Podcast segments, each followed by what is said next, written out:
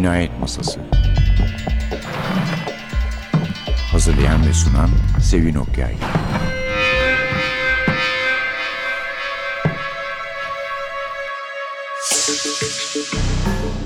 Merhaba, NTV Radyo'nun Cinayet Masası programına hoş geldiniz.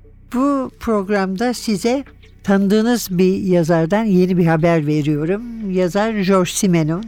Yeni haberde şu, Everest yeni bir dizi başlatıyor, bir Simenon dizisi. Ustaların Türkçesiyle.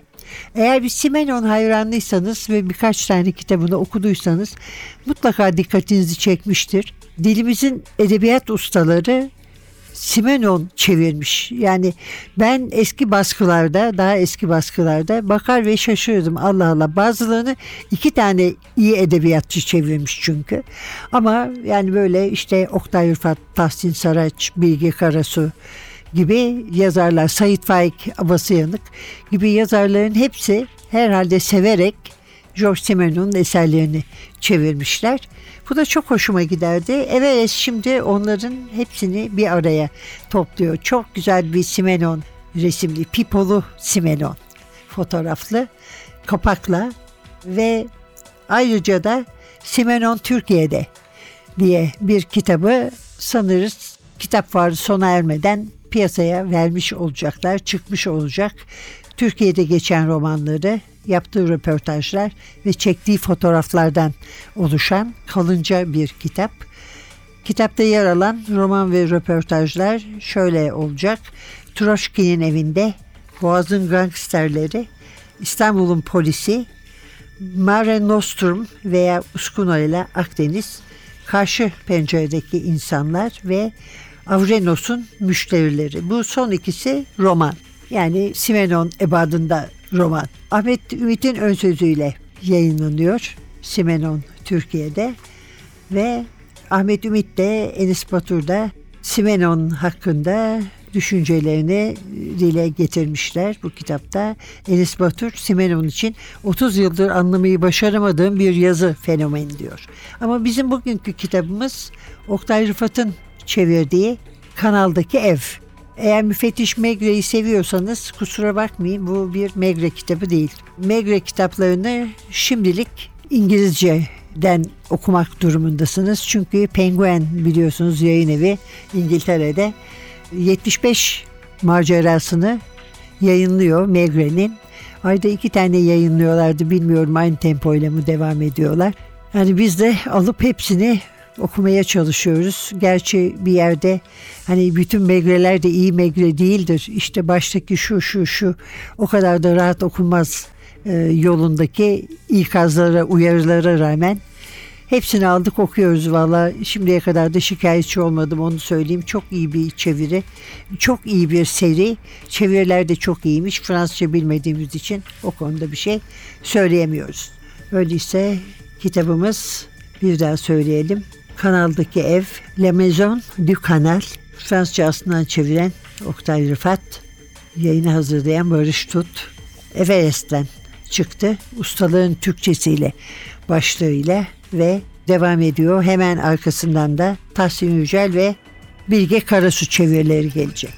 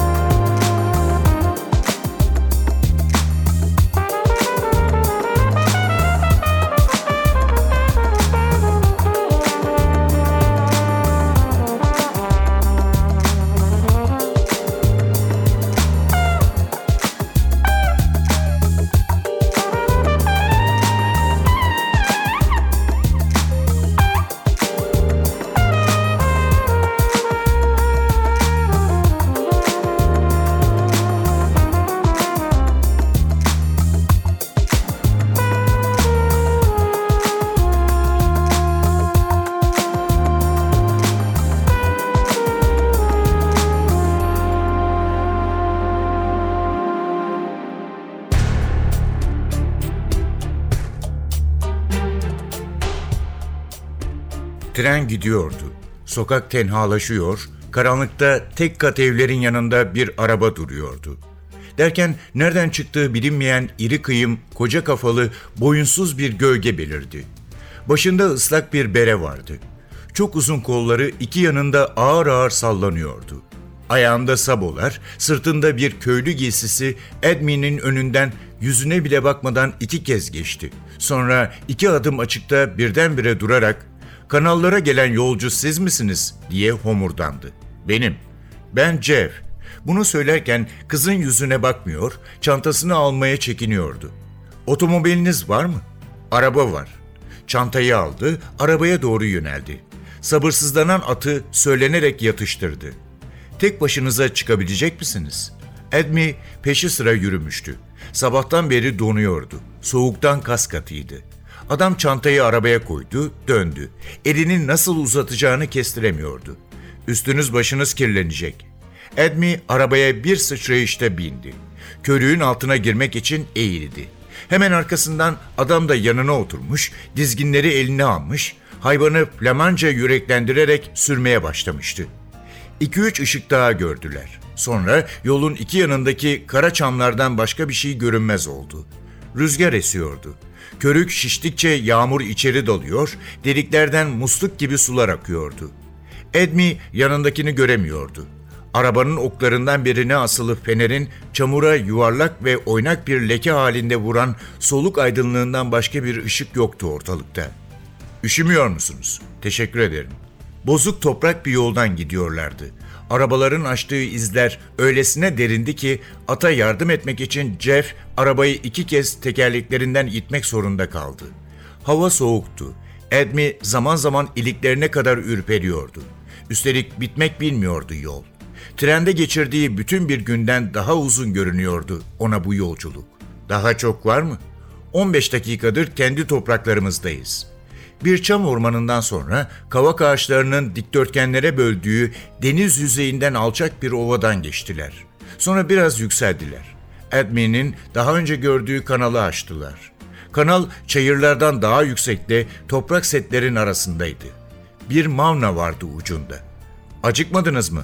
Flamanca biliyor musunuz? Hayır. Yazık. Dakikalarca sustu. Annem de ikiz kız kardeşim de Fransızca bilmezler. Bir ara sarsıntıdan teyze oğlunun omzuna düşen Edmi sıkıntıyla doğruldu. Şu görünen yer mi? Ovada kavak dikdörtgenlerinin arasında küçücük bir ışık parlıyordu. Bir evin üst kat penceresinden geliyordu bu ışık. Yaklaşınca perdelerin arkasındaki karaltıları seçmeye başladılar. Araba bir kapının önünde gıcırdayarak durdu. Gelin götüreyim sizi. Biz eve hep avludan gireriz.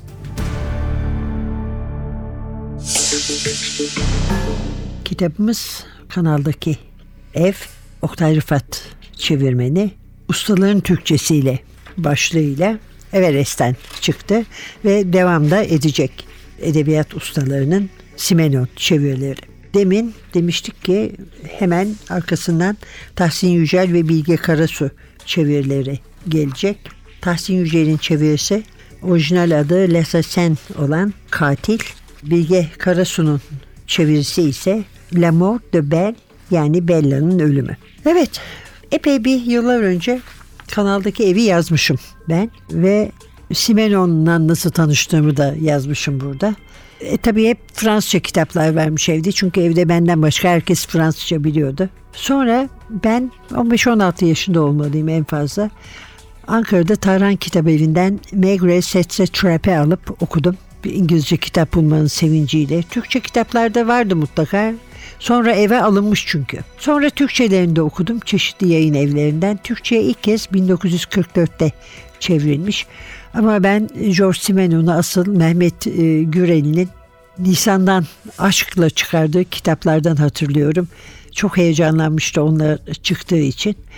Orada da iyi çevirmenler vardı. Çok iyi hazırlanmış bir diziydi ve çok sayıda kitaptan oluşuyordu. Sonra Milliyet Yayınları, Metis, Kar kitaplığı, Üç Maymun da Simenon kitapları çıkardı. En azından bende olanlar bunlar.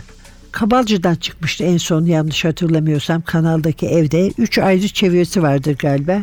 Hemen arkasından da Bella'nın ölümü gelmiş o zaman da. İkisi de Megresis kitaplar.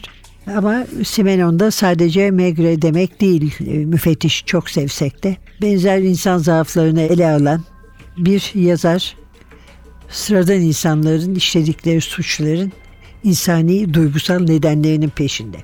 İsterseniz kısaca özetini de verelim. Kitabın kanaldaki ev. Edme ergenlik çağında bir kız 16 yaşında aslında. Kanallara gidiyor teyzesinin evine. Fleman annesi onu doğururken ölmüş. Üç kardeşmişler. Evine gittiği teyze Louis amca. Annesi öldükten sonra Brüksel'de doktorluk yapan babası 16 yıl kızını şımartmış. Sonra o da ölmüş. Edme soğuk bir havada leş gibi trenlerle saatlerce yolculuk yapıp oraya varıyor. Genç kızı istasyonda erkek kuzenlerinin küçüğü Jeff karşılıyor. Koca kafalı, orantısız yüzlü, boyunsuz bir oğlan. Ama Flemen kuzenlerinin hepsinde böyle bir orantısızlık var. Hepsinin de cildi bozuk. Doktor kızı Edme bir ara onlara teşhis koymaya bile kalkıyor. Ancak o yoldayken evin babası ölmüş, ediştesi ve kendi Fleman bir ailenin içinde buluyor. Anne ile üç küçük kız aksi gibi Fransızca da bilmiyorlar. Sadece Flemanca biliyorlar. Onlardan başka 17'sindeki Mia, en büyük kardeş ve baş mirasçı 21 yaşındaki Fred var. Edme'yi istasyondan almaya gelen Jeff ise 19 yaşında.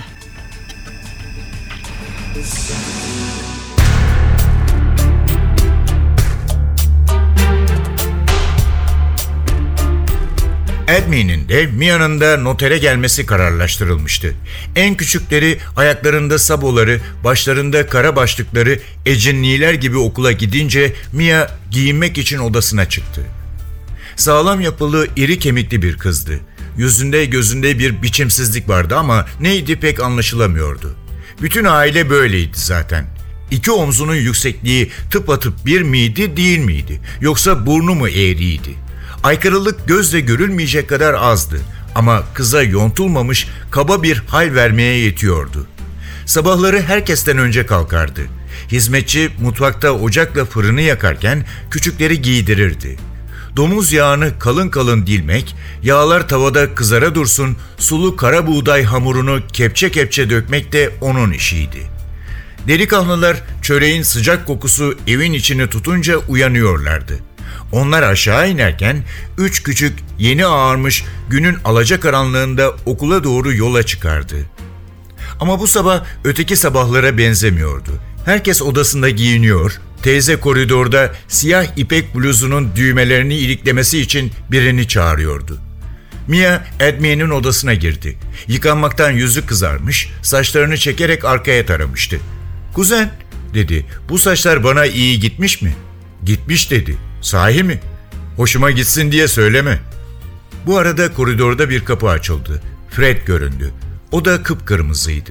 Saçları briyantinlenmiş, önü kolalı beyaz bir gömlekle göğsü gerilmişti. Öfkeliydi. Mia'ya lekeli bir yakalık fırlatarak Flamanca çıkıştı. Kız da ona aynı sertlikle cevap verdi. Derken bir kardeş kavgası başladı. Mia yapılması istenen bir şeyi yapmaktan kaçınıyordu. Fred diretiyordu.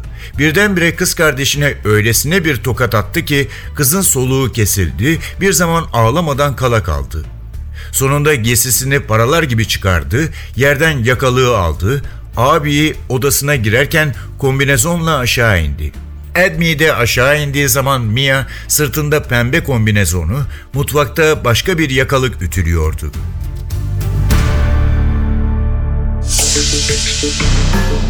Kanaldaki ev. Şehirden gelen genç kuzin Edme 16 yaşında ve iki erkek kuzen 19'undaki Jeff'le 21'indeki Fred. E, havada en azından tutkular uçuşuyor aşk demesek de.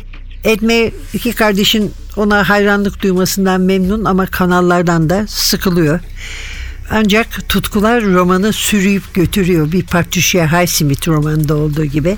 Hatta bir Simenon romanında olduğu gibi 8. kitap olarak sanıyorum Penguin'den çıkan bir Magre romanı mesela David Coverd'ın çevirisiyle The Grand Banks Cafe. Burada da mesela kaptanın çok aşık olduğu için geride bırakmak istemeyip Okyanus adlı teknesiyle çıktıklarında denize açıldıklarında yanına aldığı ve kamerasında sakladığı çok güzel ve baştan çıkarıcı bir kadın vardır.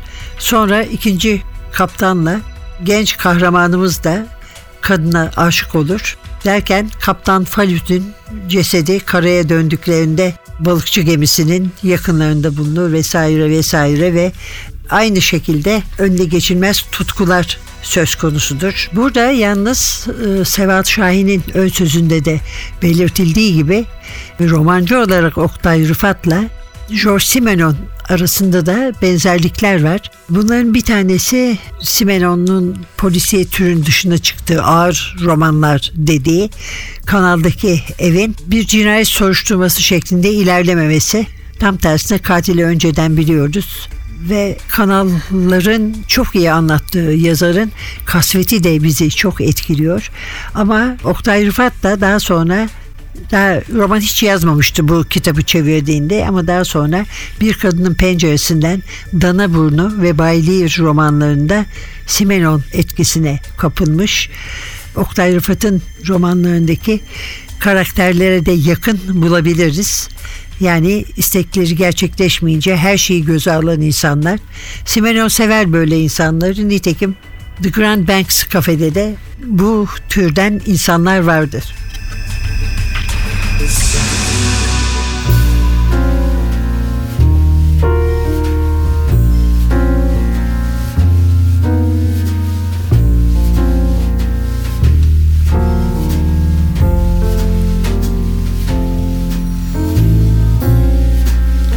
Just a perfect day.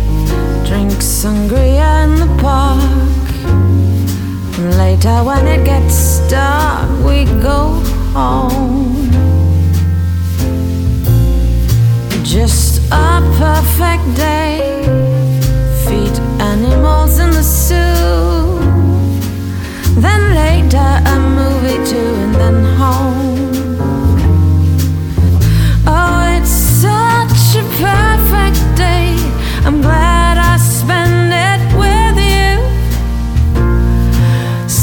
should.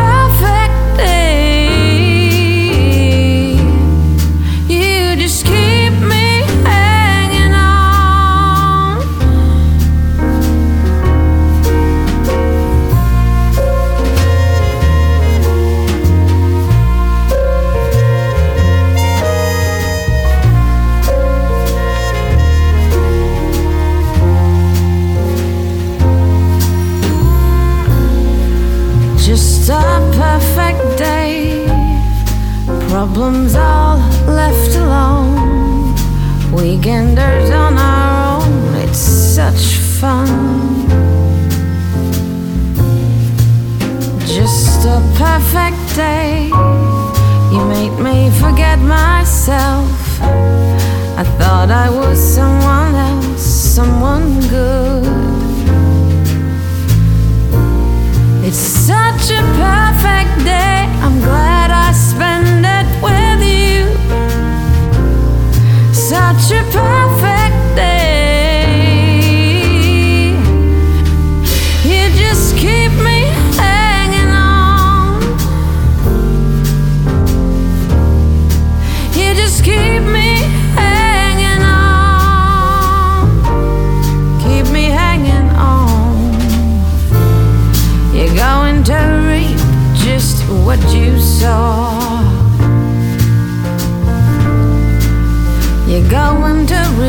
just what you saw. You're going to reap just what you saw. You're going to reap just what you sow.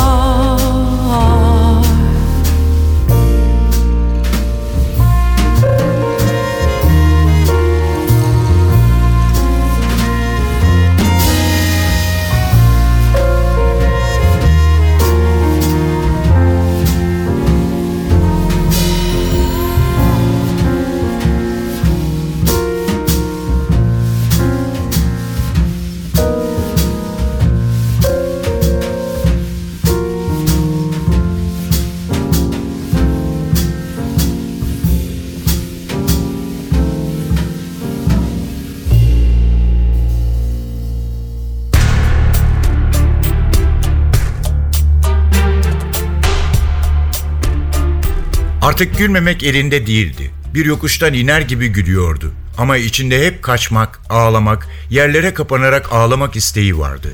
Oysa işte gülüyor, tırnaklarını Fred'in moraran boynuna geçirerek gülüyordu. Birdenbire bıçakla kesilmiş gibi durdu gülüşü. Fred de durdu. Başka biri gülmüş, bir hışırtı olmuştu. Biri vardı oracıkta. Fred öyle beceriksizce doğruldu ki birlikte teyze kızını da sürükleyerek yere çam iğnelerinin üstüne yuvarlandı. Kalktığı zaman üstü başı, saçları çam iğnesi içindeydi. Hemen oracıkta gülen kimseyi arıyor, ormanın karanlığında araştırıyor ama bulamıyordu. Ayağında vernikli saboları, başında kırmızı örme başlığı, bedenine sımsıkı sarılı atkısıyla küçücük bir çocuktu bu. Kırmızı yanakları, büyük ağzı, alaycı mavi gözleriyle tuhaf, kaba bir yüzü vardı. Fred onu yakalamak isteyince gülerek sıçradı. Önce ele geçmeyecek gibi görünüyordu. Flamanca alaycı tümceler söylüyor, hep aynı sözcüğü yineliyordu üstüne basa basa. Fred onu boynundan yakaladığında yine aynı şeyi söyledi. Ama Fred gülmüyordu. Belki de gülünç olmamak için alabildiğine korkunç bir tavır takınmıştı. Edmy'nin 5 metre açığında oğlanı tartaklıyor, Flemanca homurdanıyordu. Edmy, kimseye bir şey söylemeyeceğine söz ver. Anlamını çıkardı bu homurtudan. Edmy'ye onunla birlikmiş gibi bakıyordu bacaksız. Söz ver söylemeyeceğine. Nin, olamaz. Kararlı bir eda ile söylüyordu bunu. Tehlikede olduğuna inanmıyordu, gülüyordu. Belki de o da Edmey gibi bilinmeyen bir gücün pençesindeydi. Söz ver, Nin, söyleyecek misin? Çocuk Edmey'e bakıyordu. Büyümüş de küçülmüş gibi bir hali vardı. Edmey ile göz göze gelince bakışları tatlılaşıyor, sevdalı bir hal alıyordu adeta. Kimlere söyleyeceksin peki? Edmey konuşmasının ne demeye geldiğini tahmin ediyordu. Herkese. Fred sarsıyordu oğlanı. Beş frank veririm söylemezsen. Nin. Edmey yeniden sinirli sinirli gülmeye başladı. Güldüğüne kendi de şaşıyor ama böylelikle içindeki korkuyu atıyordu. Teyze oğluna şu gülünç manzaraya, kendinin de onların da haline gülüyordu. Fred durmadan oğlanı tartaklıyordu. Söylemeyeceksin diyorum sana. Nin. Edmey'nin gülmesi bu sefer çocuğa geçiyordu. Edmey gibi bir ateşin pençesindeydi o da. Söylemeyeceksin. Nin, nin, nin. Son bir kez daha sormak için Fred bu ufaklığı başına kadar kaldırdı. Nin, nin, nin.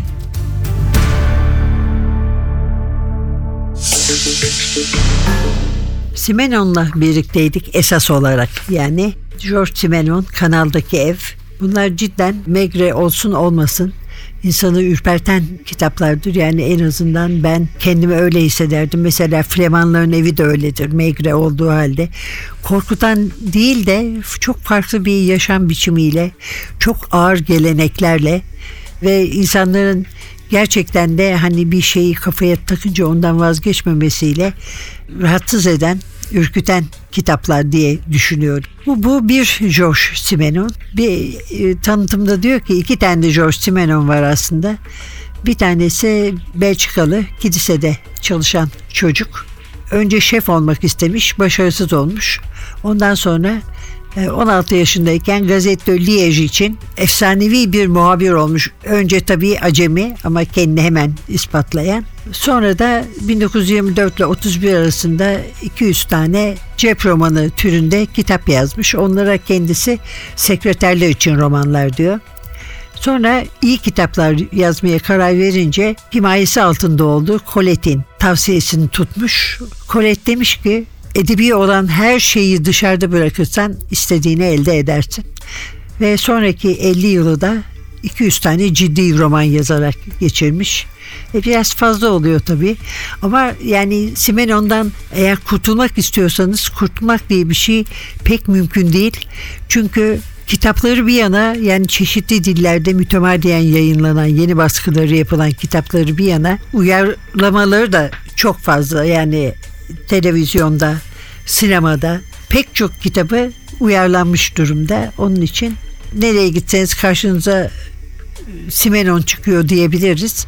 Şimdi günümüzde de mesela John Le Carre buna yakın bir durumda ama John Le Carre sadece casusluk romanları yazıyor. Halbuki Simenon da dediğimiz gibi ciddi hatta çok ciddi romanlar da var. Belki bilmiyorum en iyisi hepsini okumak okunabiliyorsa eğer ve prosedür polisiyesi denen polisiyede yani polislerin açısından bakıyorsun. E, başından alıyorsun bir soruşturmayı sonuna kadar götürüyorsun. Megre bence bir numaradır. Aslında tek bir kişinin hakimiyetinde geçtiği için belki o kadar da gerçeğe uygun değildir ama Simenon yazdığı karakterleri de mekanları da o kadar iyi bilir ve o kadar gerçektir ki bunlar kitaplarda bir anda gerçeklik kazanıyor zaten. Evet efendim bugün kitabımız George Simenon'un kanaldaki eviydi. Yani La Maison du Canal. Çevirisi Oktay Rıfat, ustaların Türkçesiyle başlığıyla Everest'ten çıktı. Oktay Rıfat'ı da hemen Tahsin Saraç ve Bilge Karasu izleyecek. Seride Sait Faik Abasıyanık gibi başka usta yazarlar da var. Sonra da fuar sona ermeden Simenon Türkiye'de adlı kitabı okuma fırsatımız olacak. Bugünlük bu kadar. Önümüzdeki hafta başka bir kitap, başka bir yazarla birlikte olmak umuduyla. Mikrofonda Sevin, masada Atilla. Hepinize iyi bir hafta diler. Şimdiden fuara hazırlanın diyoruz. Hoşçakalın.